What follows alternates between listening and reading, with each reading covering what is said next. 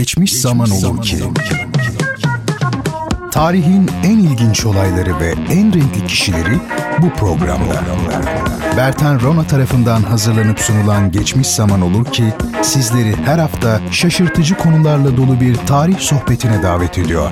Geçmiş Zaman Olur ki her pazartesi ve her cuma saat 21'de Samsun'un Gerçek Radyosu'nda. Bertan Rona ile Duyuşlar. Müzik, sanat, edebiyat, dil, kültür ve hayat üzerine duymak istediğiniz her şey bu programda. Bertan Rona ile Duyuşlar her çarşamba saat 22'de Samsun'un Gerçek Radyosu'nda. Bertan Rona ile Duyuşlar başlıyor. Sevgili dinleyiciler, Radyo Gerçek'te Bertan Rona ile Duyuşlar programına hoş geldiniz, safalar getirdiniz. Bendeniz Duyuşlar programını her hafta sizler için hazırlayıp sunan Bertan Rona. E, bu programda bildiğiniz üzere müzik, sanat, edebiyat, dil ve kültür üzerine ama hayatı ıskalamadan konuşmaya, sohbet etmeye çalışıyoruz.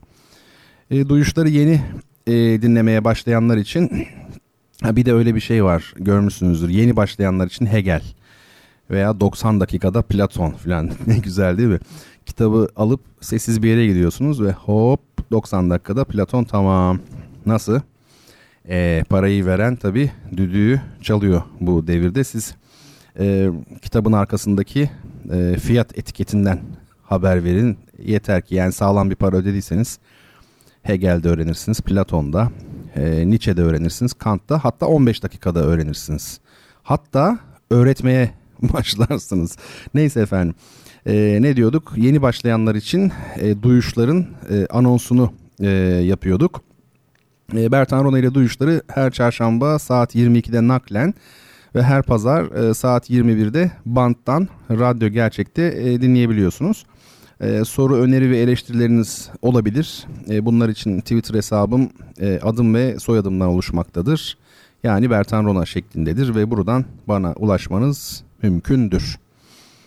E, bu gece öncelikle e, 30 Ağustos Zafer Bayramı'nı ve e, bu vatan uğruna hayatını feda eden aziz şehitlerimizi e, rahmetle, hürmetle, minnetle e, anarak başlamak istiyorum. E, Kuvayi Milliye'nin yani ulusal güçlerin öyle diyelim imkanlarıyla e, gerçekleştirilen e, milli mücadele e, tarihteki ilk e, anti-emperyalist mücadeledir belki de. E, modern e, zamanları kastederek söylüyorum bunu. Yüzyılımızda yani daha doğrusu 20. yüzyıl için konuşalım. E, bu nedenle de e, ilk olduğu için ne kadar iftihar etsek azdır hakikaten. Yani bizim e, kendi vatanımızı işgalcilere karşı savunmamızın ötesinde anlamları var 30 Ağustos'taki zaferin. E, ister Türkiye olsun, ister Cezayir, ister Vietnam, ister Bolivya e, fark etmez. Kim ki işgalcilere karşı kendi vatanını müdafaa ediyorsa benim için anılması gereken, yanında durulması gereken, övülmesi gereken odur. E, bu düşüncelerden hareketle e, ülkemizde yaşayan herkesin e, bayramı olan Zafer Bayramı'nı tekrar ve tekrar enişten, enişten duygularımla e, kutluyorum. Efendim e, dinlemiş olanlar hatırlayacaktır. Geçen haftaki programımızda e, Erkan Oğur'dan e, pencere önü çiçeğini dinletmiştim sizlere. Şimdi aslında ben tatile çıkarken e, bir ay önce, bir buçuk ay önce e, bu flash belleğime yeni müzikler e, yükledim ki e, arabada güzel güzel dinleyeyim. Yani öyle gideyim. E, zira e, neredeyse 3000 kilometre gibi bir yol yapacaktım ben tek başıma belli sebeplerden ötürü.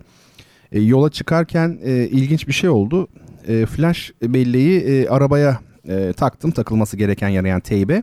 E, yaklaşık böyle galiba 200 kadar parça yüklemiştim ama e, çalmaya başladıkça benim yüklemediğim e, ve flash bellekte de olmayan aslında yani flash bellek boştu ve ben de yüklemedim böyle e, çok iyi hatırlıyorum bir takım parçalar duyulmaya başladı. Yani benim yüklemediğim ve e, stick'te de yani flash'ta da olmaması gereken bir takım parçalar duyulmaya başladı. E, nereden geldiğini de bilmiyorum tabii bunların. Zaten olayı da hala anlayabilmiş değilim. Vardır bir açıklaması. Neyse işte bu e, Erkan Orhun pencere önü çiçeği de bu parçalardan biri. Ben ilk defa yolda duydum yani bunu böyle gidiyorum geceleyin falan. Sonra da araştırdım. E işte hangi parça olduğunu falan tespit ettim. E, pencere önü çiçeği diye bir parçaymış. İşte bunun üzerine bir tür çeşitleme oluyor tabii bu. E, hatta e, bu haliyle daha çok dağ başı çiçeği olmuş diye de kendimce takılmıştım. Yani daha otantik olmuş, halk müziğine yaklaşmış anlamında. İşte parça Bülent Ortaçgil'inmiş. Tabii ben bu programda yer yer e, zaman zaman bu popüler parçalar e, çalıyorum diye hani bu literatürü yani popüler müziği bildiğimi zannedebilirsiniz ama hiç alakası yok. E, ben 24 e, aşağı yukarı 24 yaşıma kadar sadece klasik müzik denilen müzik var ya işte e, klasik batı müziği veya e, sadece onu dinledim. E, en modern çağdaş örneklerine varıncaya kadar tabii. E, o yaştan sonra da aşağı yukarı hiç müzik dinlemedim desem yeridir. E, dinlemedim. Yani için geçmiş senin falan ölmüşsün diye düşünebilirsiniz ama dinlememe sebebim şöyle yani günde e, 6 saat prova yapıyordum zaten. Yani kendim aktif müzik yapan biri olduğum için koro şefi olarak günde çift prova var e, 6 saat. E böyle müzik yapınca ayrıca dinlemeye ihtiyacınız olmuyor pek. Benim bir hocam vardı. Neden müzik dinlemiyorsunuz diye sordular kendisine bir gün. Baklavacı bakla yer mi abi demişti. Baklavacı baklava yer mi? Bakla yer tabii de saçmaladım. Baklavacı baklava yer mi abi e, demişti. E, ben de öyleydim yani sizin anlayacağınız. E, ama bu Duyuşlar programı ile beraber sizlere e, böyle çok ağır eserler dinletmemek için elimin altındaki arşivi kurcalıyorum tabii. E, hem çok güzel müzikler buluyorum hem de ben öğrenmiş oluyorum biraz. Burada tabii söylediğimi yanlış anlamayın yani siz kaliteli müzikten anlamazsınız size light'ını dinletiyorum falan demiyorum sakın ha. ben e, burada e, yer verdiğim her müziğin altına imzamı atarım. Yani bugüne kadar duyuşlarda ne dinletildiyse e, mutlaka iyidir. Klasik, jazz, pop, rock ya da halk müziği olsun. E, duyuşlarda çalındıysa iyidir yani referans olabilirim ona. Sadece radyo programında böyle çok ağır, çağdaş, kontemporan ne bileyim çok sesli müzik olmaz. Klasik müzik olmaz düşüncesiyle seçimime dikkat ediyorum. Mesela önümüzdeki hafta şöyle bir deneme yapalım. E, bir örnek olması için aşırı soyut modern klasik müzik yapıtlarından bir tane seçeyim ve burada çalalım bakalım nasıl bulacaksın. Hakikaten merak ediyorum. Belki hastaları çıkar yani hiç belli olmaz onları çalarız. Hani böyle en sanatsal, entelektüel e, diyeyim yapıtlardan birini seçeyim. Ya bu arada ilginç oldu. Ben e, ben de işte bu pencere ön çiçeği derken konuyu entelektüellere getirmek istiyordum. Güzel e, bağlanmış oldu bu iki konu birbirine. İşte internetten e, pencere önü çiçeğinin Bülent Ortaçgil'in bir şarkısı olduğunu öğrenince hani bir aslını dinleyeyim dedim. Orada bir entelektüel kelimesi geçiyor. Biliyorsunuz Bülent Ortaçgil'in bir de ayrıca entelektüel isimli şarkısı var. Entelektüel iki L'li. Ee, entelektüelleri böyle eleştiren aslında çok orijinal, ironik bir çalışma. Ama e, Türkiye'de biliyorsunuz entelektüelleri eleştirmek hatta suçlamak, e, hedef göstermek bir gelenektir. E, 12 Eylül'de Kenan Evren de darbeci bir general olarak tabii öğretmenleri, aydınları, münevverleri, işte entelektüelleri ne derseniz deyin hedef gösteriyordu. Memleketin içinde bulunduğu durumun sorumlusu onlardır diyordu. Şimdi yozlaşmış entelektüel yok mudur? Vardır. Kendi ülkesinin mensup olduğu milletin gerçeklerinden kopmuş aşırı biçimci, e, ne diyelim formalist işte şabloncu, snob böyle aydınlar yok mudur? Vardır. E, ama bunlar acaba entelektüel denilen insanların içinde toplamda ne kadarlık bir oran oluştururlar? Büyük çoğunluğu oluşturan yani bu gerçek münevverler, entelektüeller, aydınlar e, emekleriyle, birikimleriyle, ürünleriyle, eserleriyle, sezgileri ve e, uyarılarıyla yani topluma yöneticilere yaptıkları uyarılarla, onurlu duruşlarıyla fedakar ve mütevazı hayatlarıyla acaba bu toplumdaki en değerli insanlar arasında değil midirler? Yani onlar olmayacaksa kim olacak bu değerliler? Ee, öte yandan dünyada e, yaşayan pek çok halk, millet e, büyük sıkıntılar yaşamıştır, yaşamaya devam etmektedir. Sürekli konuşan siyasetçiler pozisyonlarını korurken e, savaşlarda ve barış dönemlerinde en büyük faturayı yine halk ödüyor. Her zaman olduğu gibi bütün dünyada böyle. Halk çok eğitimli değildir belki ama sezgileriyle çoğu kere kendisi için doğru olanı da bulur. Yani tercihlerinde doğru olanı da bulur. Ama buna her zaman böyle olur dersek yanılmış oluruz. E, bir de halkı övmek denilen bir şey var. Bu acaba gerçekten samimiyetle buna inanıldığı için midir? Yoksa popülizm amaçlı mıdır? Yani sürekli halk halk diyenlere şöyle bir bakalım acaba yaşayışları halka benziyor mu? Yoksa çok daha farklı koşulların mı e, içindeler? Şimdi e, Almanya'da 1933'te Hitler'i iktidara kim getirdi? Sorun bu. Hitler 33'te iktidara geldi Almanya'da. Halk getirdi değil mi? 1945'e kadar yani savaş süresince yaklaşık 60 milyon insan ölene kadar da yine Alman halkı destekledi. E, peki o sıralarda Alman sanatçıları, yazarları, bilim adamları ne yapıyordu? Ben size söyleyeyim kaçıyorlardı. Doğru. E, ama e, hayatları tehlikede olduğu için kaçıyorlardı. Şimdi asıl soru bence şu. Hayatları niye tehlikedeydi? E, tehlikedeydi çünkü Hitler'e, Nazizme karşı çıktıkları için tehlikedeydi. Yani halktan farkları oydu işte. Yani sürekli böyle halk güzellemesi yapıyoruz ya. İşte onlar da e, karşı çıktıkları için e, ölüm tehditleri alıyorlardı. Çoğu öldürüldü zaten. E, kaçmaya e, çalışıyorlardı. E, Walter Benjamin e, ki döneminin en önemli düşünce insanlarından biridir. E, Fransa-İspanya sınırında Hitler'den kaçarken yakalanacağını anlayınca intihar etmişti.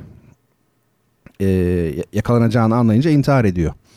E, Galile dünya dönüyor dediğinde canını zor kurtarmıştı. Thales 2500 yıl önce insanların tapmakta oldukları güneşin bu güneş tutulmasının e, tarihini önceden hesap etmişti. Einstein atom bombasını öngörerek e, çok tehlikeli bir silah yapılabilir düşüncesiyle Roosevelt'e uyarı mektubu yazmıştı ama yine de hep bu adamlar suçlu. Oh ne güzel. Ee, nasıl ama bu gece Bertanola halka karşı. Rona versus halk. Yani böyle bir durum oldu. Zaten sözlü linçi de çok e, severiz. Şimdi canımı okurlar vallahi bu konudan kaçayım. Kaçmak için de güzel bir şey yakaladım aslında burada. Şu an tam da denk geldi. Yani e, bu linç kelimesi var ya 1800'lerin başında e, Amerika Birleşik Devletleri'nin yanlış hatırlamıyorsam yani Virginia galiba e, da e, yüzbaşı William Lynch diye bir adam var. E, bu adamın liderliğinde yasa dışı halk e, şeyleri kuruluyor. Mahkemeleri kuruluyor. illegal bunlar. Kime karşı? Tabii ki e, garibim zencilere e, karşı. Yani kendi çaplarında böyle derme çatma sokakta böyle bir yargılama yapıyorlar. Efendim orada işte ceza adı altında akıl almaz uygulamalar, işkenceler, işte idamlar falan yapılmış. Ki bugün bildiğimiz işte linç kelimesi e, işte o yüzbaşı William Lynch'in adından geliyor. Amerika'nın Avrupalı ülkelerin tarihi çok kanlıdır hep söylerim. Öyle böyle değil yani sandığımızdan çok çok fazla kanlıdır. Yalnız şu e, halk meselesinden korkup kaçayım dedim ama William Lynch'in kurduğu mahkemeler için de e, yasa dışı halk mahkemeleri dedim. Yani kaynaklar öyle diyor bildiğim kadarıyla. E, ben en iyisi bir müzik arası vereyim şimdi. E, televizyon programlarında falan öyle ya böyle sıkışınca bir reklam arası yapıyorsunuz hemen. Ama biz nasipliyiz tabii. E, bakın reklam yerine müzik var. Ne var peki? E, Amerikalı efsanevi şarkıcı Sarah Vaughan'dan e, bakın ne tuhaf değil mi? Yani William Lynch de Amerikalı, Sarah Vaughan da Amerikalı. Demek ki asıl mesele Amerikalı veya işte Türk e, kadın veya erkek üniversite mezunu veya ilkokul mezunu olmakta değil adam olmakta asıl mesele. Neyse e, işte Sarah e, Vaughan'dan yine kendisi kadar ünlü diyebileceğimiz bir parça Broken Hearted Melody meşhur. E, dinleyin bakın aa bu o muydu e, diyeceksiniz. E, son bir not e, onu da söyleyeyim de öyle müziğe geçelim. E, bu gece şöyle bir şey e, yapalım. Sizler bana soru sorun. Dilediğiniz e, konuda sorun. E, ben de cevaplayabildiğim kadarını cevaplayayım. E, belki önümüzdeki programlarda daha farklı bir uygulamaya gideriz. Bir şey fikir buluruz, bir şey yaparız bilmiyorum ama şu andan itibaren aklınıza takılan soruları Bertan Rona Twitter adresine, e, hesabına neyse yazın. Ben de son bölümde o soruları cevaplamaya çalışayım. Tabii e, sorun da cevaplayayım derken öyle öğretmen falan gibi değil yani estağfurullah.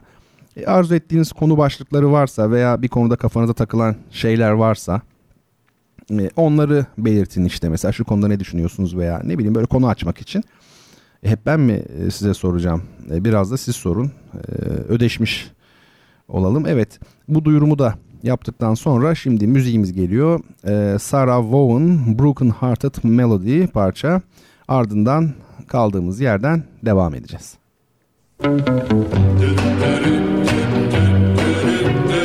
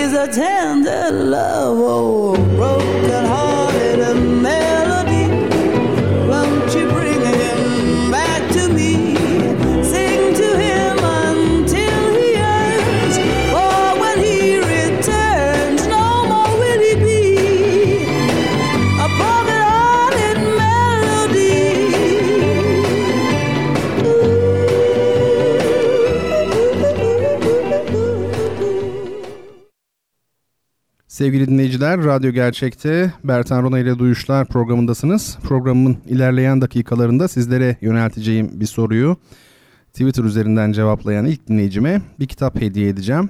E, Twitter hesabım Bertan Rona. E, buradan doğru cevabı yazabilirsiniz ya da yazmak istediğiniz ne varsa işte onu yazıp düşüncelerinizi dile getirebilirsiniz. Az önceki parçamızda e, bir sıkıntı olmuş olabilir. Sarah Vaughan'ın sesini duydunuz mu acaba? Yoksa sadece alttaki koronun sesi mi geldi? E, ben buradan emin olamadım. Onu da bir bana kısaca yazarsanız e, çok çok e, sevinirim. Siyah inci şöyle demiş. Türkiye'de gerçek entelektüel maalesef hayli az demiş. E, dünyada da azdır. Eser miktarda bulunur efendim. Plütonyum gibi. O da çok az bulunuyormuş. Yer kabuğunda 11 kilo varmış bütün dünyada. Gerçek entelektüel de öyledir. Daha doğrusu kimseye yaranamazsın yani. Birine göre öylesindir, birine göre değilsindir.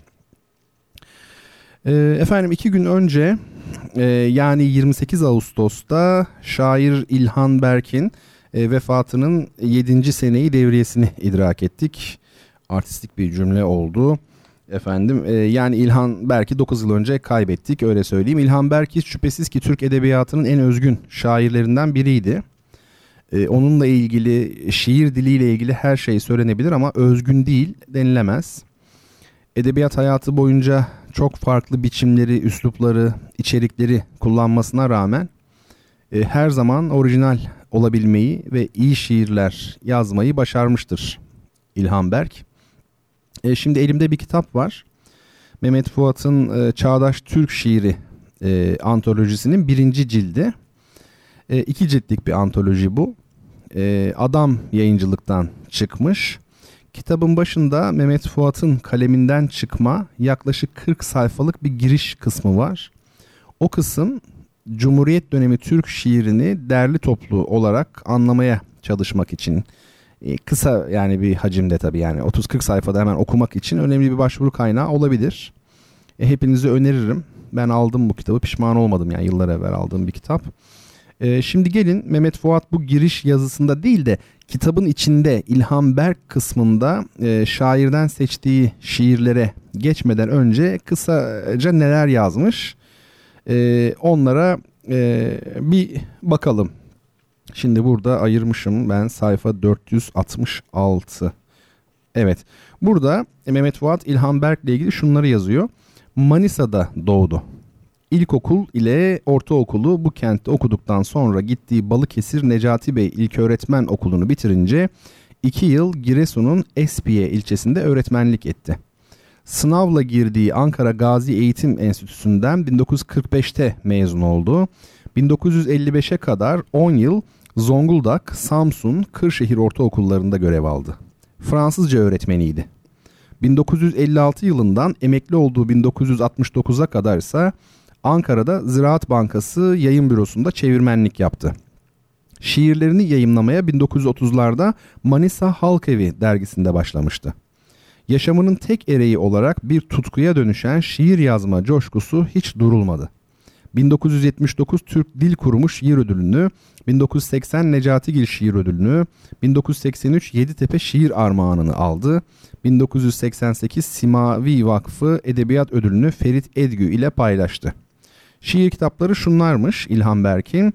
Güneşi Yakanların Selamı 1935, İstanbul 47, Günaydın Yeryüzü 52, Türkiye Şarkısı 53, Köroğlu 55, Galile Denizi 58, Çivi Yazısı 60, Otağı 61, Mısır Kalyonine 76, e, hayır yanlış okudum 62, Aşıkane 68, Taş Baskısı 75, Şenlikname 76, Atlas 76, Kül 78, İstanbul Kitabı 80, Kitaplar Kitabı 81, Deniz Eskisi, Şiirin Gizli Tarihi 82, Delta ve Çocuk 84, Galata 85, Güzel Irmak 88, Pera 90, Dün Dağlarda Dolaştım Evde Yoktum 93, İstanbul kitabı bu yeni derlemeymiş 94, Avluya Düşen Gölge 96, Şeyler kitabı Ev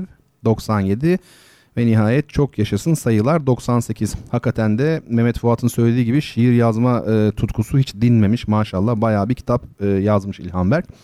Sürekli araştıran, deneyen, dünya şiirini izleyerek alışılmışı zorlayan örneklerden etkiler alan bir şair olarak çok değişik anlayışlarla şiir yazdı. Başlangıçta toplumsalcı dünya görüşünü savunurken Walt Whitman, Pablo Neruda gibi büyük ustaları çağrıştıran ürünlerle 1940 şiirinin çok ilerisinde bir aşamaya ulaşmıştı. İkinci yeni şiir anlayışına yönelince gene en önlere geçerek anlamsız şiiri savundu. Doğru yanlış her anlayışla şiire ulaşmayı başarması şaşırtıcıdır e, demiş Mehmet e, Fuat. E, şöyle bir bakalım Mehmet Fuat hangi e, şiirleri seçmiş İlham Berk'ten e, bu kitabı için onu bulmaya çalışıyorum. Hemen sizlere söyleyeyim. Bir Orman şiirini seçmiş. Ondan sonra Ayrığın Yüreği, Kızılırmak, Kör Halit'in Bulutu diyor. Bu şekilde e, gidiyor. Ben bu gece İlhan Berk'ten okumak üzere sizlere iki şiir seçtim. Biri bu antolojinin 471. E, e, sayfasındaki Ben Senin Krallığın Ülkene Yetiştim. Evet adı aynen böyle. Ben Senin Krallığın Ülkene Yetiştim başlıklı ünlü şiirlerinden biri İlhan Berk'in. Diğeri ise yani yanında iki kitap var. İlhan Berk'in toplu şiirlerini içeren ve Yapı Kredi yayınları arasında çıkmış olan Toplu Şiirler kitabının o da var. Onun 618. sayfasındaki Eski Bir Han Kapısı şiiri. E, çok farklı temalara sahip olmakla beraber ikisi de e, son derece e, güçlü şiirler. Bakalım nasıllarmış bir okuyup e, dinleyelim. Şimdi bulmaya çalışacağım tabii. Evet. Ben senin krallığın ülkene yetiştim. Ben senin krallığın ülkene yetiştim. Kaldım gölge tanımayan güzelliğinle. Her sabah büyüten denizimizi böyle. Gülüşlerindi o ülkede bilmez miyim? Sen o çıktığım sularsın zencim benim. Denize bakan evler gibiydim seninle. Dur geliyorum ellerin ne güzel öyle. Beni şey et gülüşlerini bekleyeyim. Sen gittiğim o ülkesin varılmıyorsun.'' Vurmuş sonrasız nasıl en güzel sulara, güzelliğin balıkları gibi İstanbul'un. Şimdi her yerde ne güzel deniz o kalmış, yankımış denizlere, öbür kadınlara. Dünyada sizinle İstanbul olmak varmış. Evet, e, ilk şiir bu. Herhalde bu daha çok ikinci yeni etkisi taşıyor. Çünkü e, hani devrik değil de bayağı düşük denilebilecek tabi gramatik olarak edebi olarak değil de gramatik olarak düşük denilebilecek içinde cümlelerin olduğu bir e, şiir bu. Şimdi okuyacağım ise eski bir han kapısı. O da şöyle. Hani sana eski bir han kapısı göstermiştim. Ölümün sanki çağdaş bir cesedi gibi kaldı sende. Bakamamıştın hani.'' Belki benim, belki de kendi bırakılmışlığın geldi aklına. Ölümüm belki de. Ben bazen öyle olurum işte, elin elimden düşünce. O zaman işte eğilir bakarım ölümüme ve birden dağılmış, dökülmüş bulurum etimi ve sevmem. Sevmem ölümün hiçbir biçimini. Hele senin ölümünse, çözülüşüyse etinin.'' Ben ki o kadar çok sevdim. Yıkıldım ki o kadar bir cehennemim artık. Ben bıçaklar, tabancalar, bukağılar, zincirler, zincirlerim. Fitilli bombalar taşıyan cebinde bir terörcü, bir baskı adamı, ölümler yöneten, kendi cesedini kendi sürükleyen. İçinde zindanlar, içinde büyücüler, engerekler, zebaniler, yeraltı mezarları, Dante'den bir satır yani.'' Ben bazen böyle olurum işte. Elin elimden düşünce. Evet e, bu iki güzel şiiriyle e, Büyük Usta İlhan Berk'i almış olalım. 9. ölüm yıl dönümünü iki gün geçmiş iken. Şiir deyince e, aklıma sık sık genç kızlar gelir biliyor musunuz? E, şundan dolayı onlar gelir. Şimdi e, 18 yaşında bir delikanlı e, düşünelim e, yine 18 yaşında bir de genç kız düşünelim. İkisinin de e, sosyoekonomik, kültürel çevreleri, yetiştirilme şartları, işte fiziki ortamları vesaire benzer olsun. Yani e, ikisi arasında sadece cinsiyet farkı söz konusu olsun. E, sorum şu. E, bir şiir okunduğunda, şiirlerden söz edildiğinde, şiiri dinlemek e, mevzu bahis olduğunda sizce hangisi daha duyarlıdır? Bu işe hangisi daha eğilimlidir? Hangisi daha çok ilgi gösterir? Tabii genelleme yapıyoruz yani istisnalar vardır ama genel anlamda yani hangisi bu konuda daha çok eğilimlidir, dinlemeyi sever işte efendime söyleyeyim. E, delikanlı mı genç e, erkek mi genç kız mı diye şöyle bir şey yapın. E, düşünün. E, şöyle şöyle dediğinizi duyar gibi oluyorum vardır ya öyle cümleler böyle diyemeyeceğim çünkü sizi duymuyorum. Gerçekten ne acı değil mi yani hiç öyle şey değil yazıldığı gibi değil yani kitap var. Şöyle dediğinizi duyar gibi oluyor falan. Nereden duyuyorsun duymuyorsun. E, neyse efendim ben kendi düşüncemi söyleyeyim. Kendi sorumla ilgili. Tabii ki genç kız şiire daha eğilimlidir. Bu yani soru üzerine konuşacak olursak. Bunun pek çok nedeni var. E, öncelikle kızlar tabii çocukluktan başlayarak erkeklere göre çok daha zarif, ince ve estetik oluyorlar tabii. Yani şiir deyince bunlar önemli herhalde. Tabii doğalarından gelen bir şey bu. E, bir de erkekler e, gerçeği daha ziyade gözleriyle kavrarken genel olarak bu böyledir. Kızlar ise bir dinleme, işte hayal etme varlığı olarak karşımıza çıkıyor. Yani kadının doğasında olan bir şey bu. Ee, hani daha önce de demiştim ya bu nedenle kadınlar makyaj yapar, erkekler yalan söyler diye. Yani çünkü kadın biliyor erkeğin görsel olarak aldığını. Ee, erkek de kadının işitsel olarak aldığını biliyor. Ee, bunun daha önce bahsi geçmişti. İşte şiiri dinlemek söz konusu olduğunda da sözlü olan, işitsel olan, hayali olan ön plana geçtiği için genç kızlar buna çok daha eğilimli oluyor genellikle. Efendime söyleyeyim. Tabi e, hani bütün sanatlara eğilimlidir kadınlar genel olarak. Yani müzik de öyledir işte. E, sahilde yazlık yerlerde falan olur ya böyle işte yeni yetme böyle genç blue çağındaki çocuklar falan işte kızla erkek gitar çalıyor falan erkekler aslında garibin farkında değil aslında. Hangi mesajı gö bir mesaj taşıyor ama o taşıdığı mesajın farkında değil. Yani şunu diyor ben erkeğim diyor bak yani o güçlüyüm diyor ama kaba değilim diyor. Çünkü kadın için en büyük tehlike e, erkeğin kaba olmasıdır yani. Çünkü e, güçlü bir varlık var karşısında e, o incinme riski var yani. Dolayısıyla işte e, zarif, kibar e, ben öyleyim diyor yani. Hadi radyo programındayız ama söyleyeyim yani şu mesajı veriyor gitar çalarak ayı değilim korkma. Aslında bu bu demek yani. Şimdi tabii e, feministler bana kızabilir. Ne yani işte kadınlar hayal varlığı mı falan falan diyebilir hani önceki söylediğimden hareketle. Ama aslında bilmiyorlar ki hayal dediğimiz şey çağımız dünyasının en çok ihtiyaç duyduğu şeydir aslında. O, en çok ihtiyaç duyduğu şeylerden biridir. Modern insan hayal etme becerisini çünkü neredeyse tamamen yitirdi artık her şeyi e, sokakta olsun, televizyon karşısında olsun somut olarak görmek istiyor modern insan. E, her türlü inançtan, umut etmekten çünkü bakın inançla umut da aslında bir hayal etmedir. E, bunlardan insanı uzaklaştıran da yine işte hayal becerisinin e, eksikliği. Yani artık böyle evde e, şömine ateşinde masalların anlatıldığı, hayallerin kurduğu, insanların gözlerini kapattığı dönemler, kapatarak e, dinlediği dönemler çok çok e, geride kalmış oluyor. Bunlar kadınsı özellikler aslında. Zaten hep söylüyorum açık konuşmak gerekirse yani günümüz dünyası en çok kadınlığı, kadınsı olanı öldüren bir dünya. Yani günümüzdeki kadınların büyük bir kısmı erkekler, erkeğe dönüşmüşler ama haberleri yok. Şaka yapmıyorum çok ciddiydim. Yani ciddiyim şöyle eski dünyada, kadim dünyada kadın dediğimiz varlık erkeğin yapamadığı şeyleri yapardı. Pek çok şey bu. Ama günümüz dünyasında artık erkekleşiyor bir şekilde. Yani bunun çok çok e, fazla sebebi var. E, uzun uzun e, anlatılabilir ama şunu söyleyeyim. Günümüz dünyasında en çok ihtiyaç duyduğu şey kadınsı bir bakış. Hayata dair kadınsı bir bakış. Geleceğe dair kadınsı bir bakış.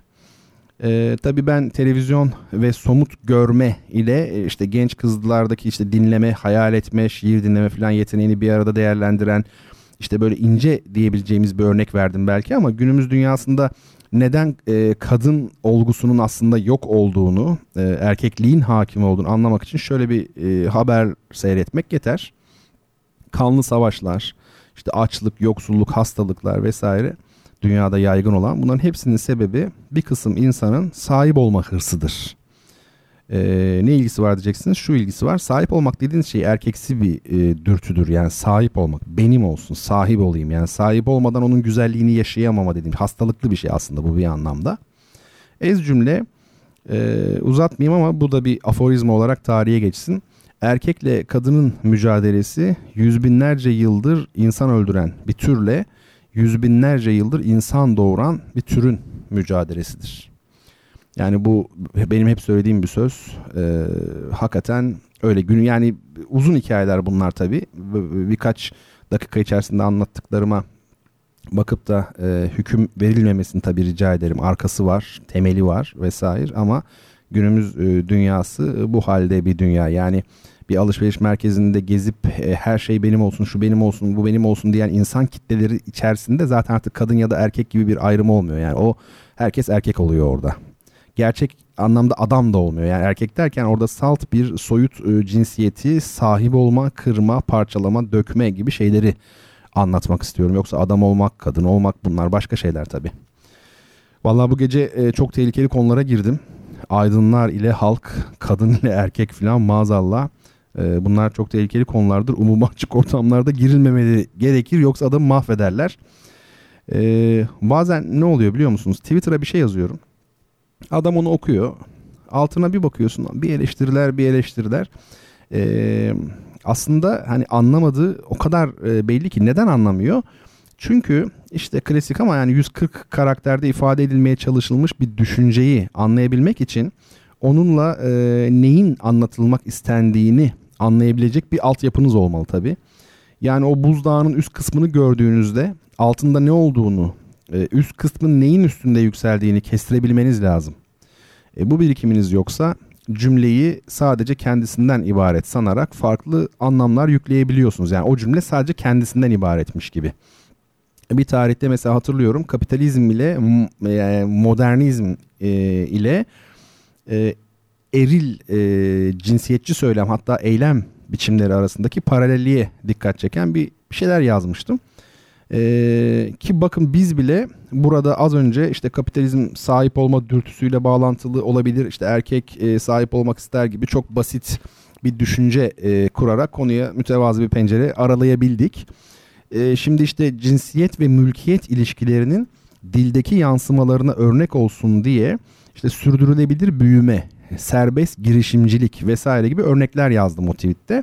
Yani buradaki büyümek, girmek gibi fiiller aslında çok açık bir biçimde e, sahip olma, işlem yapma, özneleşme ile ilgili şeyler. Adlandırmadaki seçim ise doğal olarak eril. E, bu konuları ele alan mesela modern sporların o zamanlar endüstrinin beşiği olan İngiltere'de geliştirilmesiyle neden hep ilerlemeyi, yükselmeyi, topu bir yerlere sokmayı, topa vurmayı hedef alan biçimlerde gelişmesi e, arasındaki ilişkiyi inceleyen aslında çok çok çok ciddi bir literatür var.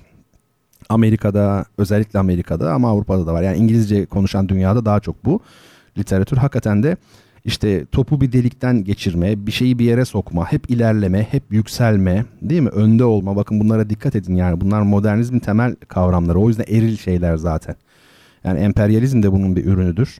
Hakikatin insanın içinde e, olmaktan çıkarılıp kendi dışında bir nesne olarak tanımlanması da bunun üründür. Yani eski kadim insan hakikatin kendi içinde olduğuna inanan insandı. Kendisi de hakikatin içindeydi yani bir bütündü.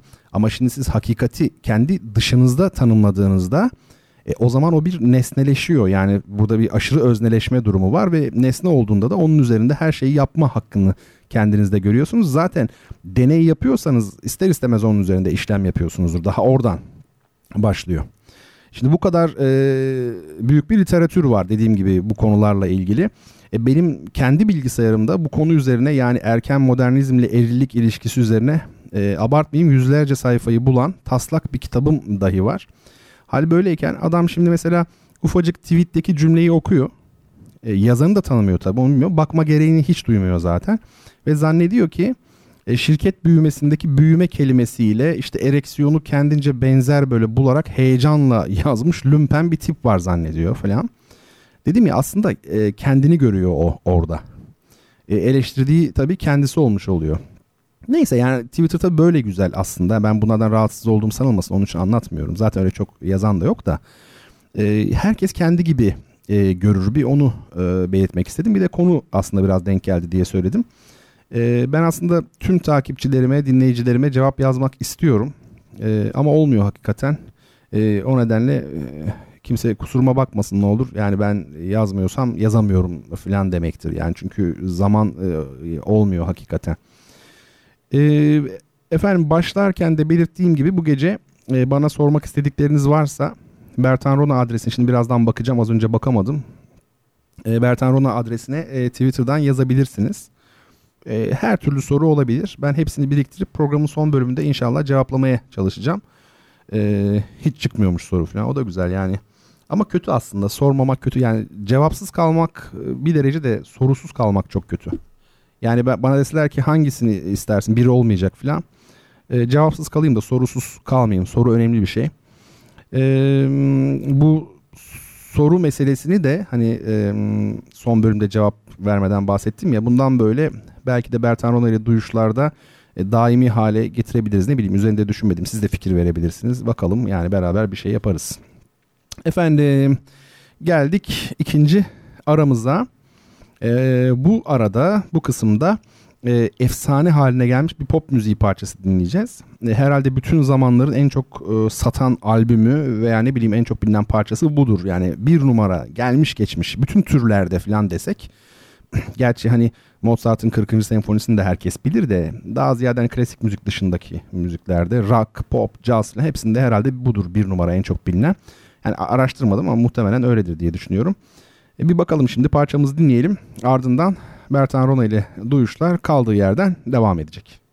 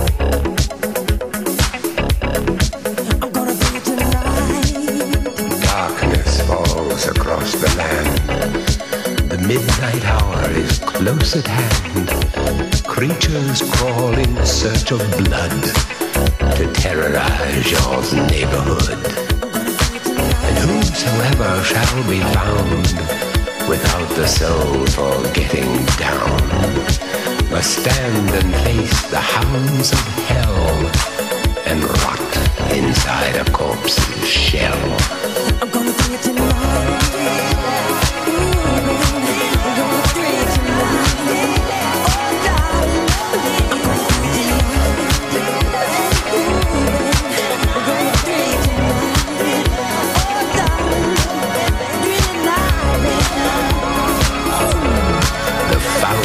stenches in the air, the funk of 40,000 years, and grisly goons from every tomb are closing in to seal your doom. And though you fight to stay alive, your body starts to shiver, for no mere mortal can resist the evil of the thriller. Ah!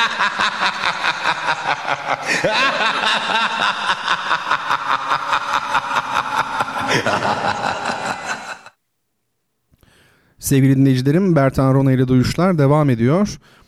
Çarşamba geceleri saat 22'de canlı yayında karşınızdayız. Müzik, edebiyat, dil ve hayat üzerine samimi bir sohbet şeklindeki Duyuşlar programının bu bölümünde her hafta olduğu gibi sizlere bir soru soracağım ben. Ve bu sorunun ne olduğunu bilen ilk dinleyicime e, bir kitap hediye edeceğim. E, doğru cevabı Twitter üzerinden yine bana yazabilirsiniz. Bunun için Twitter hesabım bildiğiniz üzere Bertan Rona şeklinde.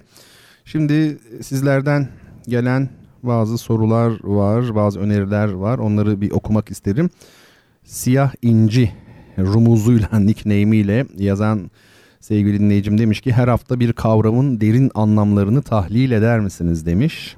Bir kavramın derin anlamlarını e, tam olarak neyi kastettiğinizi anlamadım ama kısmen anladım tabii. Neden olmasın? Gerçi şöyle oluyor. İster istemez zaten program e, dahilinde o süre içerisinde e, bazı kavramlar geliyor e, gündeme ve onlarla ilgili e, sohbet etme imkanımız oluyor. Belki kısmen orada yapıyoruz ama adı konmuş bir şekilde dört başı mamur böyle çerçeveli olarak şey yapmıyoruz, yapmıyoruz. Belki yapabiliriz neden olmasın. Eee Tuğba Hanım, Tuğba Göncü Er şöyle demiş. Huzurla dinliyoruz sizi internetten deniz kıyısında. Sağ olun, var olun. Ne güzel siz de huzurlusunuz deniz kıyısında. Tadını çıkarın. Zenginlik felsefesi üzerine bir şeyler duymak isteriz. Zamanınız olursa teşekkürler demiş. Ee, tam olarak neyi kastediyorsunuz? Yani zenginlik üzerine düşüncelerimi mi e, kastediyorsunuz? Çünkü benim bildiğim hani müstakilen zenginlik felsefesi gibi bir felsefe yok veya böyle bir akım mı var, şey mi var? Bana böyle kısaca yazarsanız çok sevinirim. Cevaplamaya çalışırım. Düşüncelerimi daha doğrusu söylerim. Ee, Burcu Ece Korkmaz. Ee, ee, sevgili Burcu Ece sen ilk adını mı kullanıyorsun ikinci adını mı? Burcu mu Ece mi ya da ikisini beraber mi? Onu bir bana yazsana ben de bir rahat edeyim. Hep ikisini beraber söylüyorum. Ee, şöyle demişsin önerdiğiniz filmler çok güzel ama genelde nostaljik. Son 3 yıl içinde beğendiğiniz veya tavsiye edebileceğiniz bir film var mı? Çok doğru söylemişsin. Hakikaten e, bunu daha önce söylemiştim aslında. Ben güncel şöyle güncel filmler var tabii bildiğim ama özellikle klasik filmleri izlemeyi ve tavsiye etmeyi seviyorum. Sadece sinema açısından değil edebiyatta da böyle. Çünkü yeni eserlerin iyi olup olmama e, durumu var. Yani risk bilmiyorsun. E zaman da çok kıymetli. Ben şimdi tutup da okuyayım koca bir romanı. Ha, çok kötüymüş falan deme ihtimali de var. E, o bakımdan hani e, yani zaman geçtiğinde ancak bir eserin ne kadar kaliteli olduğu anlaşılabilir. O yüzden şu cümleyi çok sık duymuşsundur işte eserlerinin değeri 50 yıl sonra anlaşıldı. Zaten çağında anlaşılmaz ki sanatçının eserlerinin değeri. Çünkü e, özgün bir şey ortaya koymalıdır koyduğu özgün şey de özgün olduğu için kendi çağının e, ötesindedir, farklı bir yerdedir. Ben bu nedenle hep öyle klasiklere ya da böyle 50 yıl önce en fazla yazılmış eserlere, çekilmiş filmlere biraz bakıyorum. E, ama daha güncel, son 3 yıl içerisinde izlediğim filmleri de önereyim tabii, haklısın.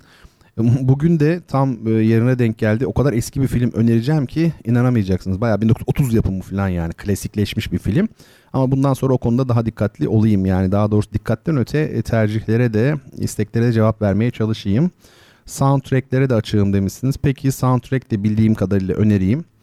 Ee, Kaan Akman ee, Kaan Bey demiş ki her kelimenin gerçek anlamını ve tarihsel kökenini araştıran biri olarak klasik Türk müziğine ilginiz nedir demiş. Klasik Türk müziğine ilgimi de cevaplayayım. Olur mu son bölümde cevaplayayım Kaan Bey. Bu bölümü çünkü akıtalım biraz şimdi. Bir de şöyle devam etmiş sevgili Kaan Bey. Klasik Türk müziğindeki kelimelerin uyum ve ahengini bugünün şarkılarından farklı kılan nedir? Osmanlı eserleri üzerinde incelemeniz var mı? Hay hay bunları cevaplamaya çalışayım. Kötü müzik yoktur, kötü yorum vardır. Fikrine katılıyor musunuz demiş sevgili Gizem Durdu. Ee, iyi yayınlar hocam demiş. Gizemciğim teşekkür ederim. Bu soruyu da cevaplayayım ben. Bunlar not aldığım sorular olsun şimdilik. Sorularınızı yazmaya devam edebilirsiniz sevgili dostlar. Şimdi Thriller e, Michael Jackson'ın e, gerçekten Michael olduğu zamanlardan bir parça. Az önce dinledik.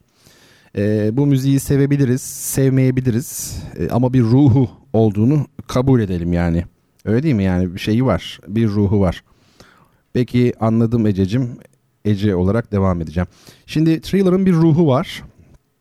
Gerçekten de samimi bu parçada Michael Jackson. çıkış yaptığı albüm e, budur kendisinin. E, belki ünlü olmak, e, zengin olmak amacındadır. E, ama öyle bile olsa en azından e, samimidir. E, şöyle zengin olmayı amaçla, ünlü olmayı amaçla ama hiç olmazsa gerçek ol. Hiç problem değil. Bakın ben sık sık gerçek ol, sahih ol deyip duruyorum biliyorsunuz programda da çok söylemişimdir. Şimdi bu albümü çıkaran Michael Jackson siyah gibi yaşayan, zenci gibi yaşayan, sokaklarda beş parasız gezen, e, adam yerine pek konulmayan biriydi. E, Thriller'ın sözleri çocukça, e, komik sözler tabii ama müziğindeki ruh, tarzındaki yenilik, orijinallik çok açık. O vakitler en azından öyleydi. Sonra ne oldu peki? İşte bundan sonrası önemli. E, Michael Jackson çok ama çok ünlendi, zengin oldu. Her şeyden önce yaşam tarzı ve karakteri değişti adamın. Yani yaşam tarzı değişti. Yani bir e, bitkiyi alıyorsunuz, o saksıdan başka bir yere dikiyorsunuz. Yani değişti. Ardından e, içinde bulunduğu camia, piyasa onun müziğinde para eden şey her neyse e, yani o çığlıklı şarkı söyleme tarzı işte dansları e, falan var ya bize şimdi normal geliyor ama onlar aslında çok sıra dışı şeylerdi ilk çıktığında. İşte bunların üzerine o piyasa, o şirkette öyle bir gittiler ki e, para kazanmak için tabii. Otomatik olarak Michael Jackson e, hep kendini tekrar etmeye başladı. Çünkü tutan o. O zaman onu yapacaksın her albümde. Ee, bir süre sonra halk, halk öyle diyelim, ondaki yeni ve e, özgün olan yönlere alışınca, bu söyleme tarzına, danslarına, sesine alışınca daha yeni bir şeyler üreteyim diye plak şirketleri ve aranjörlerle beraber bu defa saçmalamaya tabii başladılar. Ben aslında Michael Jackson'ı anlatmıyorum e, bu tip e, yollardan geçen bütün şarkıcıların hayatını anlatıyorum. Zaten derdim de Michael Jackson değil yani ben buradaki bir süreci bir aslında ticari süreci anlatmaya e, çalışıyorum. Daha özgün halk alıştığı için daha özgün olmak için iyice saçmalanmaya başladı. Bu arada e, Jackson e, şarkılarında anlattığı gibi de yaşamıyordu artık. Söyledim ya yaşam koşulları değişmişti. Yani insanlara Michael Jackson yalan söylemeye de başladı aslında. E, gördünüz mü? Şimdi bazen Thriller gibi böyle saçma bir korku hikayesiyle dürüst olabiliyorken bazen de We Are The World işte We Are The Children gibi sosyal içerikli bir şarkıyla yalancı durumuna düşebilirsin. Ee, We Are The World işte We Are The Children e, diye yoksulluk için şarkı söyleyen adam milyon dolarlık villada işte oturuyorsa işte biliyorsunuz işte e, pedofiliyle hatta suçlanıyorsa gerçi beraat etti e, iftirada etmeyelim ama e, çok ciddi iddialar vardı. E, artık bu durumda yani hem e, yoksulluğa çocuklara parça yazıyorsun ve böyle bir e, villalarda bunlar oluyorsa orada artık bir suç dışında yani bizim konumuz açısından söylüyorum bir sahtekarlık var demektir. Baya yani benim kafamdaki dünya olsa e, baya hukuki olarak böyle şeyler olmalı. E, kanunlar olmalı, yasalar olmalı. Mesela samimi olmayan şarkıcılar falan hemen tutuklanmalı. Yani onun cezası olmalı. Siz samimi yalan söylüyorsunuz falan gibi. Enteresan yani. E, çünkü bu işlerde e, en önemli şey hakikaten de dürüst olan, sahte olmamaktır, gerçek olmaktır. Sizdeki o orijinal şey neyse piyasa, şirketler, yapımcılar onu hemen fark eder. E, size kancayı takarlar ve fazla değil 5-10 yıl içinde tükenirsiniz. Bitirip atarlar sizi posa olarak. Yani şu an yani 10 yıllık 15 yıllık bu ünlü şarkıcıların çoğu aslında posadır. Yani en ünlüsü bile öyledir. Ee, şimdi mesela Yıldız Tilbe'nin ilk çıktığı zamanları hatırlıyor musunuz? Ee, onun böyle kendine has böyle nameler yapan özel böyle bir çeşnisi olan yani kendine has değişik ve etkileyici bir sesi vardı. E, hatta e, Kubat'ın e, e, kaç buraya not almıştım araştırdım çünkü 1997 yılında çıkan bir albümünde Bugün diye bir şarkı var. Orada Yıldız Tilbe de söylüyor ama böyle çok çok kısa iki yerde söylüyor.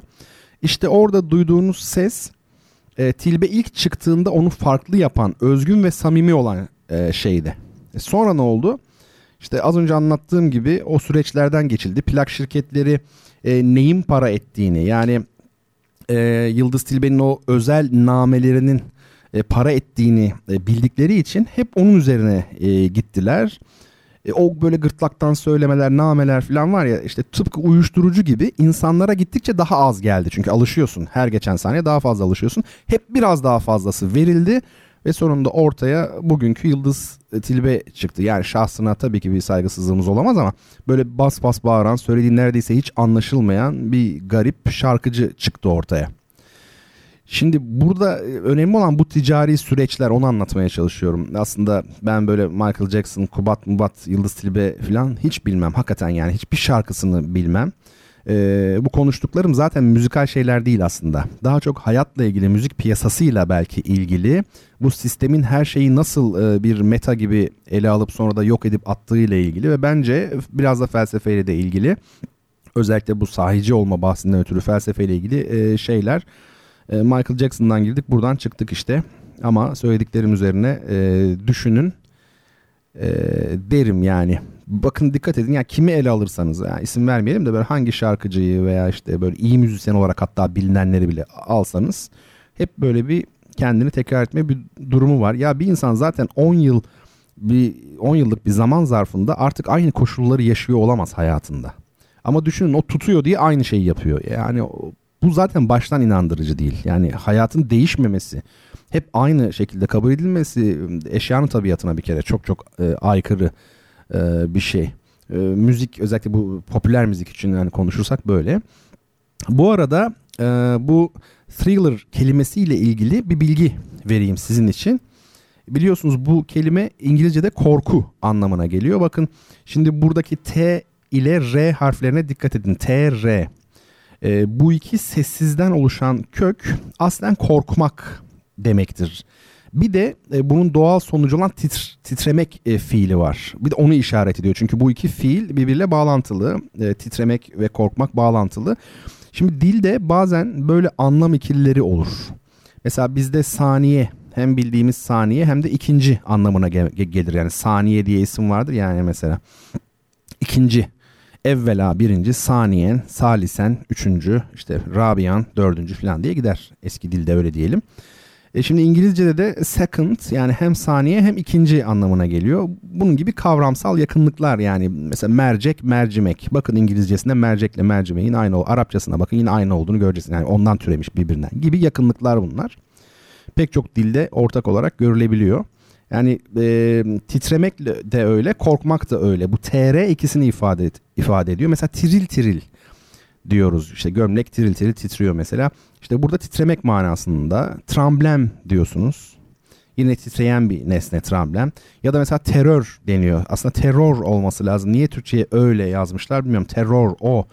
Neyse önemli değil. O da korku demek aslında yani korkutan bir olay ya o şimdi. Ee, o da bakın TR sonuçta titremeyle de ilgili yani korku beraberinde titremeyi getiriyor çünkü. Bu e, ikisi birbirine bağlı dediğim gibi doğal olarak. E, titremek kelimesinin ilginçtir. Kendisinde de zaten T ile R var titreme e, de. Hatta tırsmak diye bir şey vardır. Yani çok tırstım falan derler ya. Bu da aslında korkmak anlamındadır. O da bu ailedendir efendim. İsterseniz araştırın biraz. Bakın böyle de biraz etimolojik bilgi vermiş olduk. Evet bunu da belirttikten sonra bu gece size önereceğim e, filme gelelim. E, sevgili Ece hocam güncel önerin demişti ama ben şimdi çok çok acayip eski bir film önereceğim. Ama haftaya bunu telafi ederiz inşallah. Ee, bana bir mesaj at da unutmayayım sevgili Ece güncel film şey yapayım. Yoksa gerçi unutmam yani film söz konusu olduğunda zaten düşünüyorum ne getirsem falan diye oradan hatırlarım. Şimdi önce yönetmeninden bahsedeyim. Bu yönetmen Sovyetler Birliği sinemasının e, Sergey Eisenstein ile birlikte en önemli adlarından biri olan Ziga Vertov.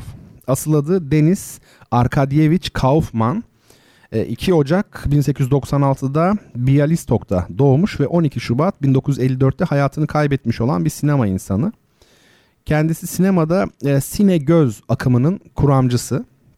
Ee, sevgili dinleyicilerim Verto e, o zaman itibariyle Rus İmparatorluğu'nda e, olan günümüzde de Polonya'da bulunan e, Bialystok'ta lise yıllarındayken 1912-14 arası oluyor aşağı yukarı. Müzik eğitimi almış. Bu önemli bir şey. E, bunun etkilerini aslında yapıtlarındaki müzik tercihinde görüyorsunuz biraz. 1915'te Petrograd'a gitmiş. E, Leningrad oluyor biliyorsunuz daha sonra. Yani eski Pet- Petersburg. E, ve psikonöroloji enstitüsünde okumaya başlamış. Avantgard ve fütürist gruplara katılmış. Bu iki akım çok önemli o dönemin Sovyetler Birliği için. Ama hangi yıllar bunlar? Yani bu e, Stalinist dönem başlamadan yani herhalde 1915'ten tutun en fazla 25'e kadar olan bir dönem gibi geliyor bana 30 olsun. En fazla ki 30 değildir. Ee, yazar Mihail Koltsov'un isteğiyle Moskova Film Komitesi'nde yazar ve kurgucu olarak çalışmaya başlıyor. Vertov hızlı geçeyim. E, daha sonra da bu komitenin belgesel bölümü sekreterliğine getirilmiş. Adı da bu dönemde e, Ziga Vertov olmuş. Dedim ya gerçek ismi o değil. Deniz Arkadyevich Kaufman gerçek ismi. E, şimdi Vertov sinemada kurmacaya karşı olan bir e, artist. Ne demek kurmacaya karşı olan? Yani kurguya tamamen karşı. Yani öyle senaryo şu açıdan çekeyim bu açıdan gerçi açıdan çekme ayrı da yani bir filmin bir film olarak tasarlanması baştan yani bunu olduğu gibi karşı adam. Drama dediğimiz şeyi Burjuvazi'nin elindeki bir afyon olarak nitelendiriyor. Kameranın işlevini sadece görüntüyü kopyalamak biçiminde değil, gözün güçsüzlüğünü aşmak olarak tanımlamış. E, kendisinin filmleri işte o dönemdeki adıyla Ajit trenlerle, trenlerle Sovyetler Birliği'ni baştan sona dolaşmış. Yani döneminde kendi ülkesinde çok izlenmiş, popüler olmuş bir yönetmen e, Ziga Vertov. Efendim benim bu gece sizlere önereceğim e, Vertov filmi kameralı adam olacak. Kameralı adam e, Vertov'un yazıp yönettiği emekleme sürecindeki sosyalist bir ülkenin ve orada yaşayan insanların anlatıldığı 1929 yapımı bir film. E, gündelik yaşamı herhangi bir oyuncu böyle dekor e, ya da bir kurgu olmadan sadece kendi akışı içinde anlatmaya çalışan e, bu filmde şehirleşme, işte makineleşme, insan ve makinenin eş güdümü, e, uyumu gibi e, konular e, söz konusu. Sinemanın e, gerçeğin düzenlenmiş hali e, olması gerektiğini savunan Vertov'a göre filmlerdeki kurmacalar seyirciyi sarhoş eder ve böylece daha sonra bilinçsiz seyirciye çarpıtılmış gerçekleri kabul ettirmek kolaylaşır. Bu nedenden ötürü Kameralı Adam filmi sinemada gerçeğin olduğu gibi çarpıtılmadan yansıtılması bakımından önemli bir yer tutan film. Vertov'un görüşleri ve temaları tercih ettiği izlekler tahmin etmişsinizdir. O yıllar e, Rusyasının ideolojik bakış açısını işte ve hani kalkınma, makineleşme, kolektivizm ve bilim gibi sosyalist unsurları yansıtması bakımından çok dikkat çekici. E, bu film gün doğumundan ya izleyince sizi çarpabilir. Çünkü bu ne ya diyebilirsiniz. Yani belgesel gibi bile değil. O belgeselde bile bir kurgu vardır, bir anlatım vardır. Oysa kameralı adam e, gün doğumundan gün batımına kadar bir Sovyet kentinden manzaralar sunuyor. Sadece bu kadar. E, şafak henüz işte sökmemiş durumda. Sokaklar boş. Banklarda uyuyan e, evsizler var. Hemen ardından işte kalabalıklar şehir meydanına doluşuyor. Otomobil, otobüsler işte tramvaylar doluyor. Şehir uyanıyor. Yeni bir iş günü başlıyor. İş makineleri, fabrika ve madenlerde çalışan insanlar, dikiş diken kadınlar, hepsi, hepsi işte tek e, vücut olup yeni bir ülke dünya yaratma çabası içinde. Hani var ya o dönemin işte e, Sovyetler Birliği'nin temaları bunlar. E, en dikkat çekici özellik ise teknolojik devrimin makine ve insanlar üzerindeki dramatik etkisi. İnsan eliyle üretilen makineler yine aynı insanın eliyle başka bir şey üretmek için kullanılıyor ve ortak bir paydada buluşuyor. Çalışan işçi sınıfının sosyal ve kültürel ihtiyaçlarına cevap verecek lokalleri, barları, halk plajlarını, işte sosyalizmin ruhunu güçlendiren kolektivist sporları e, gösteren e, film sosyalist gerçekliğe dayanan e, bu iddiada olan bir film. Filmin bir amacı da sinemanın olanaklarını halka tanıtmaya çalışmak biçiminde tanımlanmış. Dikkat edin ama tarihe 1929. 29 e, yapımı olduğu için dediğim gibi e, o dönemin özelliklerini taşıyan bir film. Avantgardizmi ve fütürizmi itibariyle de zaten öyle. E, filmlerde herhangi bir e, rol, senaryo vesaire bulamıyorsunuz. Filmde özür dilerim herhangi bir rol yok, senaryo e, yok. E, çok ilginç bir dili var gerçekten. Alıştığımız, bildiğimiz sinemaya göre çok farklı. İzlemenizi tavsiye ediyorum. E, Eisenstein'ı ve Vertov'u böyle sırasıyla bütün filmlerini indirerek e, izleyebilsek ne güzel olur. Bu iki yönetmenin filmlerini yüksek görüntü kalitesiyle e, bulup indirmek e, çok zor değil gerçekten. Yani internette bulabilirsiniz. Yani YouTube'da da vardır ama e, görüntü kalitesi ne kadar bilmiyorum. Efendim şimdi e, benim size soracağım soruya geldik. Ama dediğim gibi sizler de hala sorabilirsiniz. Çünkü son bölüm başlayınca cevaplamaya çalışacağım kendi çapımda. E, şimdi birazdan zaten son e, bölüme e, geçeceğiz. E, orada sizlerin sorularını cevaplamaya çalışacağım. Ama önce benim sorum gelsin. Şimdi e, Bertan Rona Twitter hesabına doğru cevabını yazarak yazan ilk kişi olarak kitap hediyesi kazanacağınız soruma geliyorum. Söylediğim gibi bu sorunun yanıtını Bertan Rona Twitter hesabına mention ile gönderebilirsiniz. E, bu arada e, bu haftaki kitap hediyem e, bu, bu bana ait olan İstanbul Koşukları değil. Her hafta hediye ettiğimiz o kitap değil. Ona daha sonra devam ederiz belki ama hep aynı şeyi vermeyeyim düşüncesiyle bu gece bir değişiklik yaptım. Kazanan e, dinleyicime Evliya Çelebi'nin Yapı Kredi yayınlarından çıkmış olan Seyahatnamesi'nin ilk cildini göndereceğim. E, biliyorsunuz seyahatname 10 ciltten oluşmakta. Ama ciltler e, şehir şehir gittiği için müstakil birer kitap olarak da değerlendirilebilir. Yani 6. cildi bile alsan oradaki şehirler zaten belli. Atıyorum işte Bursa, Van, işte ne olsun başka Girit, Hanya bilmem neler şuralar buralar Üsküp. E, yani her bir ciltte farklı şehirler e, var zaten. E, bu arada böyle kapaklı filan çok özenerek yapılmış ciltler çok güzel. E, zaten birinci cilt diyorum ama aslında o da iki kitaptan oluşuyor yani iki ayrı kitap ikisi de birinci cilt olarak geçiyor ve bir kutunun içerisinde. E, bu birinci cildinde seyahatnamenin konusu İstanbul. Yani 10 cildin her birinde en az 7-8 şehir var. Birinci cilt sadece İstanbul'a ayrılmış. Neyse e, ben göndereyim de kazanan dinleyicim kendisi bakar artık. Sorum şöyle. E, az sonra dinleyeceğiniz türküyü söyleyen ünlü halk müziği ustamız kimdir? Evet. Geçtiğimiz birkaç hafta olduğundan farklı olarak bu hafta bir müzik sorusu geldi.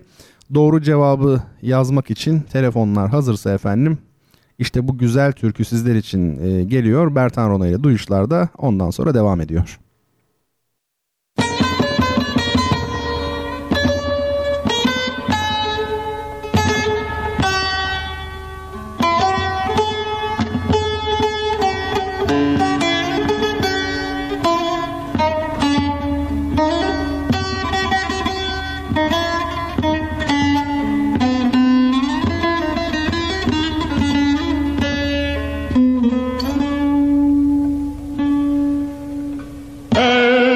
Erzurum dağlarda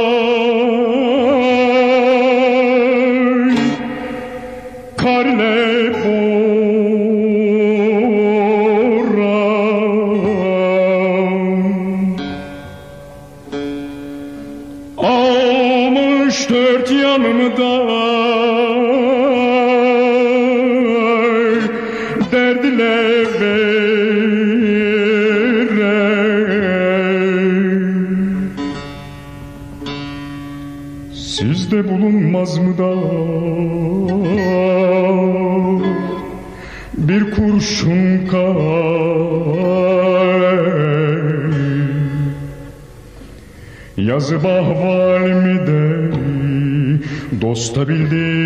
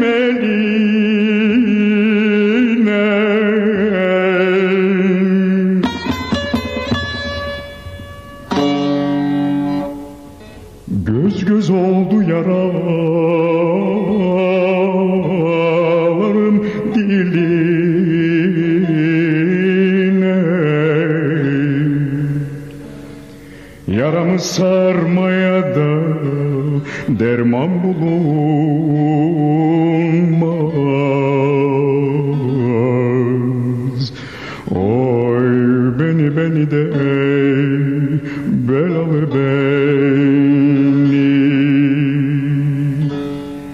Satarım bu canı da Bırakmam seni.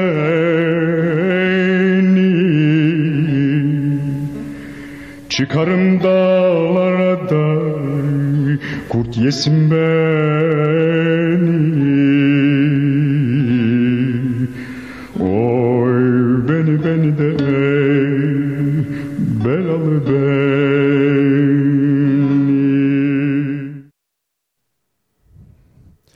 Sevgili dinleyicilerim, Radyo Gerçek'tesiniz. Bertan Rona'yı dinlemeye devam ediyorsunuz. Umarım ediyorsunuzdur, orada mısınız? Duyuşların son bölümünde e, sizlerle birlikteyim. E, Michael Jackson'dan sonra Ruhi Su'ya geçerek herhalde e, tarihe geçtik. İlk kişi bizizdir herhalde. Thriller'dan sonra Erzurum Dağları, Kar ile Boran. Evet yani demek ki Erzurum Dağları ile e, Amerika Birleşik Devletleri'nde artık New York mu neredeyse Michael Jackson bayağı bir farklı ortamlar var. E, demek ki ama şaka bir yana ne güzel söylüyor e, Ruhi Su. Aslında otantik değildir Ruhi Su'nun söyleyişi. Yani otantik değil derken biraz eklektik bir yapısı vardır. Kendi tarzıyla söylüyor. E, ama yine de işte bakın olmuş yani bir şeyler olmuş. Onu kendini dinletiyor. Tabii bunda çok özel olan ses renginin etkisi var. Bas bariton, yüksek bas dediğimiz bir ses Ruhi Su. Aslen opera sanatçısı. Belki biliyorsunuzdur, duymuşsunuzdur. E, hatta e, Türkiye'de opera ilk tesis edildiği zamanlarda Ankara'da e, belli başlı eserlerin Fidelio kalmış aklımda. Mesela Beethoven'ın Fidelio operasındaki Rocco rolünü yapıyor e, Ruhi Su. Pek çok eserde o dönemde e, sahneye çıkmış bir isim. Daha sonradan e, halk müziğinde karar kılmış. Tabi bunda siyasi görüşlerin de etkisi var muhtemelen vesaire vesaire. Efendim şimdi e, doğru cevap geldi tabii ki. Kimden geldi? Mehmet Eroğlu Bey'den geldi. Bakayım daha öncesinde yazan var mı? Yok tabii ki. E, tebrik ediyorum kendisini. E, Evliya Çelebi'nin seyahatnamesinin İstanbul'u anlatan birinci cildini, iki kitaptan oluşan birinci cildini kapaklı güzel bir şekilde kendisine e, hediye edeceğim. Ben şimdi sevgili Mehmet Eroğlu'nu takibe aldım şu an itibariyle. Lütfen özel mesajdan bana Mehmet Bey adresinizi, açık adresinizi yazınız. E, arkadaşlarım da kitabı size ulaştırsınlar. Şimdi yazan herkese tabii keşke gönderebilsem. Sevgili Ece o da yazmış. E, Siyah İnci yine yazmış. Kaan Akman Bey yazmış. Betül Hanım yazmış ve Ramazan Bey, Ramazan Özcan e, doğru cevabı yazmışlar ama e, bir kişiye gönderiyoruz. Mehmet Bey'e, Mehmet Eroğlu'na gönderiyoruz. Burada çeşitli sorular var. İşte Tuğba Hanım'ın zenginlik felsefesi. Tuğba Hanım onu açmadı. Biraz daha açsaydı ne olduğunu daha iyi anlayacaktım. E, onu haftaya da cevaplayabilirim. Yani e, Kaan Akman Bey şey demiş. Klasik Türk müziğine bakışınız nasıl demiş. Prozodi meselesini herhalde biraz e, söz ediyor. Bir de Osmanlı eserleriyle ilgili incelemeniz oldu mu demiş. Şimdi ben e, tabii çok sesli müzik okumuş bir insanım. Kompozisyon bölümü bitirdim yani bestecilik. Bayağı e, senfoni yazarak, besteleyerek mezun oluyorsunuz dördüncü sınıfta. Bir tane de senfonim var yani piyano parçalarım, sonatım, festivallere katıldım vesaire vesaire. E, ama e, klasik Türk musikisi de ilgimi çekti. Özellikle belli bir yaştan sonra ilgimi çekti. Yani ilk o tarihlerde dinledim çünkü belli bir yaştan sonra dinledim. E, ilgimi çekti. Ne düşünüyorum? Yani klasik Batı müziği e, nasıl bir medeniyetin müziği ise klasik Türk musikisi de bir medeniyetin müziği. İkisi de klasik, ikisi de büyük köklü müzik kültürleridir bunların. E, ikisinin de üstün tarafları var tabii birbirine göre. Yani bu tek seslilik çok seslilik meselesinde yani illaki çok seslilik üstündür e, görüşüne katılmadım ben hiçbir zaman. Çünkü bunun e, ontolojik olarak felsefi olarak ispatlanması gerekir o zaman. Neden? Bunu anlat bana. Ha, ben kendim şimdi bunun üzerine bir kitap yazacak kadar konuşabilirim ama bu e, yeterli kanıt oluşturur mu? Öte yandan perde sistemi itibariyle baktığımızda klasik Türk musikisinin çok e, büyük üstünlükleri tabii var. Ben e, çok teknik meselelere boğmak istemem. E, ama Kaan Bey'e şunu söyleyeyim. Aristoxenus diye ünlü bir e, düşünür var. Aristoteles'in talebesi. Bu adam müzik üzerine müstakilen yazmış ilk bilinen ilk kişi. Yani diğer filozoflarda ondan önceki filozoflarda var musiki üzerine yazılar ama bu salt müzik üzerine yazı yazmış ilk kişi. Orada diyor ki ben bir melodinin diyor e, yani çalındığı zaman diyor seslendirildiği zaman e, yani tek tek seslerin için onun içindeki tek tek seslerin kulak tarafından algılanmasını anlıyorum. Ama beynimiz kulağımız nasıl oluyor da bu farklı farklı sesleri bir melodi gibi bütün olarak algılıyor bunu anlamıyorum diyor Aristoxenus. Şimdi aslında burada çok kadim çok da felsefi aynı zamanda bir mesele var. Yani seslerin birbiriyle ilişki içerisinde tanımlanması. E, çeşni kavramı dediğimiz bu kavram şeydeki klasik Türk musikisindeki çok önemli. Değil mi? 3-4 sesle siz birdenbire bir makamı hissettirebilirsiniz. Şimdi bu e, makam e, çok enteresan olarak 3-4 sesin arasındaki ilişkiyle hissettiriliyor. Dikkat edin tetrakord gibi 4 ses falan değil. Yani bir çarpma yapıyorsunuz, bir şeyi bir şeye bağlıyorsunuz. Yani ne demek bu? Demek ki klasik Türk musikisinde sesler birbirleriyle ilişkiye göre ilişkilerine göre tanımlanmış. Şimdi bakın bu çok çok önemli bir şey. Çok üstün e, bir taraf. Tabi burada e, Asya'nın e, görüşünün, Asya felsefesinin yani temelde Doğu toplumlarının tevhid düşüncesi var biliyorsunuz. Budizm'de de var aslında. Yani tevhid derken sadece İslamiyet'teki tevhidi kastetmiyorum. Bir birlik, bir olma, bütünlük. E, dolayısıyla bu bu yani zemin üzerinde yükseldiği için o makam yapısından, seyirinden, şuyundan, buyundan efendime söyleyeyim yani e, bir üstünlüğü var, belli özellikleri var. Dolayısıyla birini diğerine tercih etmek için bir sebebimiz yok vallahi. Yani öyle bir lüksümüz de yok. Yani kusura bakmasınlar ben ikisini de çok seviyorum. Vazgeçemem yani.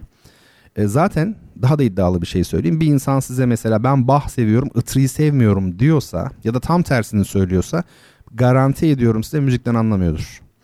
Çünkü ikisi de iyi. Ya bir bakın şimdi ben e, senfoni yazmış bir adamım, bestelemiş bir adamım. Piyano sonatlarımı festivallerde çaldım, uluslararası festivallerde ama Thriller çaldım bugün burada. Neden? Bir, bir ruh var onun içerisinde çünkü. E, dolayısıyla bir müziği iyi yapan şey onun türü değildir. Ha tabii ki thriller yani tutup da bir Beethoven sonatla mukayese edilmez. O ayrı bir konu. Ama e, klasik Türk musikisinden de kötü eserler var. Klasik Türk musikisinden de iyi eserler var. Osmanlı'dan araştırdınız mı diye soruyorsunuz. E, ben e, Abdülkadir Meragi e, dahi bilirim. Yani bilirimden kastım şu yani dinlerim. Teorik olarak e, üzerlerinde çalışmışlığım vardır. Ben müzikoloğum aynı zamanda ama kendi yani uzmanlık alanım bu değil. Sadece mukayeseli olarak e, çok sesli müzikle karşılaştırırken e, araştırmıştım belli şeyleri. Yani Zekai Dede'ye kadar Itri Mıtri zaten tabii şey yaparım bilirim. İşte e, Farabi'nin Düşemsine yani tabii bunlar ona atfedilen şeyler. Abdülkadir Meragi de Osmanlı müziğinin içinde değil. Hatta Türk müziğinin içinde bile olduğu yer yer tartışılabilir. Efendim ya uzun konular Kaan Bey sizin de tahmin edeceğiniz gibi. Prozodiye de dair şunu söyleyeyim tabii ki. Yani Doğu toplumlarında söz çok ön planda. Müziği söz olmadan düşünmek pek mümkün değil. Dolayısıyla sözle musikinin uyumu lazım. Buna prozodi tabii deniyor ama e, prozodi esasen ritimle ilgilidir. Yani prozodi demek ritim demektir normalde. Uzun hece, kısa hece meselesinin e, müzik ritimlerine e, uygulanması meselesidir diyeyim ve daha fazla teknik konulara girmemek için e, böyle e, şey yapmış olayım, e, cevaplamış olayım. Efendime söyleyeyim Mehmet Bey şu an gönderdi adresini sağ olsunlar. E, çok teşekkür ediyorum kendisine. Sevgili Gizem Durdu kötü müzik yoktur kötü yorum vardır buna katılıyor musunuz demiş. E, ben buna katılmıyorum. Şundan dolayı katılmıyorum. Ha, kötü yorum vardır. Ona katılıyorum. Ha, ilk kısmına katılmıyorum. Kötü müzik yoktur. Yok kötü müzik de vardır. Yani e, valla o kadar çok kötü müzikler var ki ben örnek verebilirim. Yani o müziği ne yaparsanız yapın iyi yorumlayamazsınız. Bu sanki biraz yorumculuğun yani icranın önemini çok abartan biraz modernist bir yaklaşım. Yani günümüzde öyle oldu. Şimdi mesela icra çok önemli. Hayır efendim niye icra önemli olsun? Aslında eser önemli. Yani şöyle bir icracı aslen eseri düzgün yani doğru bestecinin istediği gibi e, yorumlama derdinde olmalı. Şimdi bakın çok enteresan bir şey söyleyeyim size. Bu niye olamıyor günümüzde büyük oranda? Şimdi mesela diyelim ki sevgili Gizem e, siz bir piyanist olacaksınız mesela diye atıyorum. Virtuos piyanist oldunuz. E, Beethoven'ın veya Mozart'ın piyano için eserlerini yorumlayacaksınız. Diyelim ki ne olsun 17 numaralı sonat Beethoven'dan yorumluyorsunuz. Şimdi bu sonatın zaten doğru, güzel yani böyle düzgün bir şekilde yorumlanmış. Belki binden fazla kaydı vardır piyasada. Farklı farklı piyanistler hepsi çalmış. Şimdi bin birinci kişi olarak piyasaya giren genç piyanist e, düşünsenize şöyle bir ikilemle karşı karşıya. Yani doğru olduğunu biliyor. Ha buradaki gibi çalayım, şu adamın çaldığı gibi, şu kadının çaldığı gibi. E, tamam onun doğru olduğunu biliyor ama aynısını çalsa zaten hani yapılmış daha evvel. Ne oluyor? Herkes ben şunu farklı yapayım, bunu farklı yapayım. Bakın yine şeyle görüyor musunuz? Yani bu e, metalaşma, ticaret, sistem, sistem, sistem hep böyle diyoruz ama e, ama öyle yani hakikaten de. Tam bir kepazelik e, söz konusu bu alanda. Yani yorum denilen şeyi o bakımdan fazla abartmamak lazım e, aslında. Ha çok büyük yorumcular olmaz mı? Tabii var. Ama onlar niye büyük biliyor musunuz? Yani eserdeki özü daha iyi yakaladıkları için büyükler zaten. E, o, bu konuda şeyi hatırlıyorum. Charles Munch meşhur e, İsviçreli galiba Fransız şey orkestra şefi. Onun Ben Bir Orkestra Şefiyim diye bir kitabı var sevgili Gizem. E, orada bu yorumculuk meselesiyle ilgili çok orijinal e, tespitler var. E, maestro'nun görüşleri var. Onu e, bir okumanı mümkünse bulabilirsen, ulaşabilirsen tavsiye ederim. Yani bence kötü e, müzik de vardır. Yani sadece kötü yorum yoktur. Kötü müzik de vardır. İkisinin de iyisi var. E, şeyi var. Kötüsü var. Bu benim kanaatim. Yani şu an e, düşündüğüm şey bu. E, Mehmet Bey sistem sıkıntılı peki çözüm demiş. Valla bu o kadar zor bir soru ki. Yani e, insan denilen varlık var olalı beri çözemediği e, bir şeyin cevabını belki de istiyorsunuz benden. E, nasıl düzelecek diye. Yani bu konuyu o kadar insan konuşmuş ki o kadar çözüm önerileri, denemeler ortaya atılmış. İşte Sovyetler Birliği deneyimi konuşuldu. Dinlerin getirdiği çözüm önerileri var. Ama şöyle bir baktığınızda dünya hala kan gölü. E, bu enteresan bir şey. Yoksulluk, açlık, sefalet, adaletsizlik her tarafta e, kol geziyor. E, demek ki şimdilik bir çözüm yok. Hele 1950'den sonra medyanın yarattığı dengeler e, güzel bir dünya e, kurulmasını gerçekten artık böyle bir ütopya haline getirdi. Belki de yani insanoğlunun açgözlülüğü, e, bugün gelinen tüketim toplumu, bu toplum içerisinde bizlerin e, ruhlarımızın adeta e, metamorfoz böyle başkalaşım geçirmesi, insanın robotlaşması, kobay olması, müşteri olması, köle olması yani o kadar değişiklikler oldu ki insan tabiatı üzerinde bu toplanabilir mi? Geri çevrilebilir mi? E, ben bundan emin değilim. Ama çıkmadık canda da umut var hakikaten. Yani geleceğin neler e, göstereceğini de bilemeyiz. E, çünkü yani nereye kadar çok kötüye gidecek, çok kötüye gidecek, daha kötüye gidecek. Nereye kadar gidecek peki? Mutlaka uçurumun kenarında bir yerde e, durulacaktır diye ümit ediyorum, etmek istiyorum yani. E, çok uzun bir konu dediğim gibi. Bunu daha detaylı bir şekilde söylemek isterim. Bu zenginlik felsefesi konusuna gelince Tuğba Hanım onu bana siz yazarsanız onu da önümüzdeki hafta umarım e, cevaplarım. Şimdi sevgili dinleyicilerim e, elimde bir kitap var. Bu e, şeyden bahsettik ya hani Ziga Vertov'dan bahsettik. E, Vertov sineması üzerine de e, pasajların olduğu bir kitap bu. Çok erken yaşta kaybettiğimiz önemli felsefecilerimizden Ulus Baker'in Sanat ve Arzu isimli kitabı iletişim yayınlarından çıkmış bir e, kitap. Şimdi e, bu kitap aslında bir kitap gibi değil. Yani şöyle söyleyeyim kitap da e, Ulus Baker'in e, seminerlerinden, sohbetlerinden e, yapılan ses kayıtlarının deşifre edilmesiyle, tekrar yazılı ortama geçirilmesiyle oluşturulmuş bir kitap. Kitabın felsefi derinliğiyle ilgili, e, içeriğiyle ilgili Mesela şöyle e, içindeki şeylerden derslerden bakın çeşitli dersler var. Kitabın içindeki bölümler şöyle. 19 Şubat 1998 tarihli ders, 24 Şubat 1998 tarihli ders. Böyle gidiyor. Mesela 19 Mart 1998 tarihli dersin konu başlıkları. Freud ve Lacan'da eksiklik olarak arzu, filia, Spinoza'da insanın özü olarak arzu, Spinoza'da sevgi ve nefret, Gloria, Cupiditas, melodram kuramı, affektler ve tutkular, Tanrı'nın bakış açısı, Spinoza'nın monizmi, bedensel hazlar, hedonizm, tutkular üzerinde hakimiyet. Spinoza'da aşırılık, Arto'nun organsız bedeni, mazoşizm, zorunlu çağrışım ilkesi, Tanrı sevgisi, karşılıksız sevme, bakış açılarının çoğulluğu karşılaştırılması ve Pasolini'nin mimesis tezi.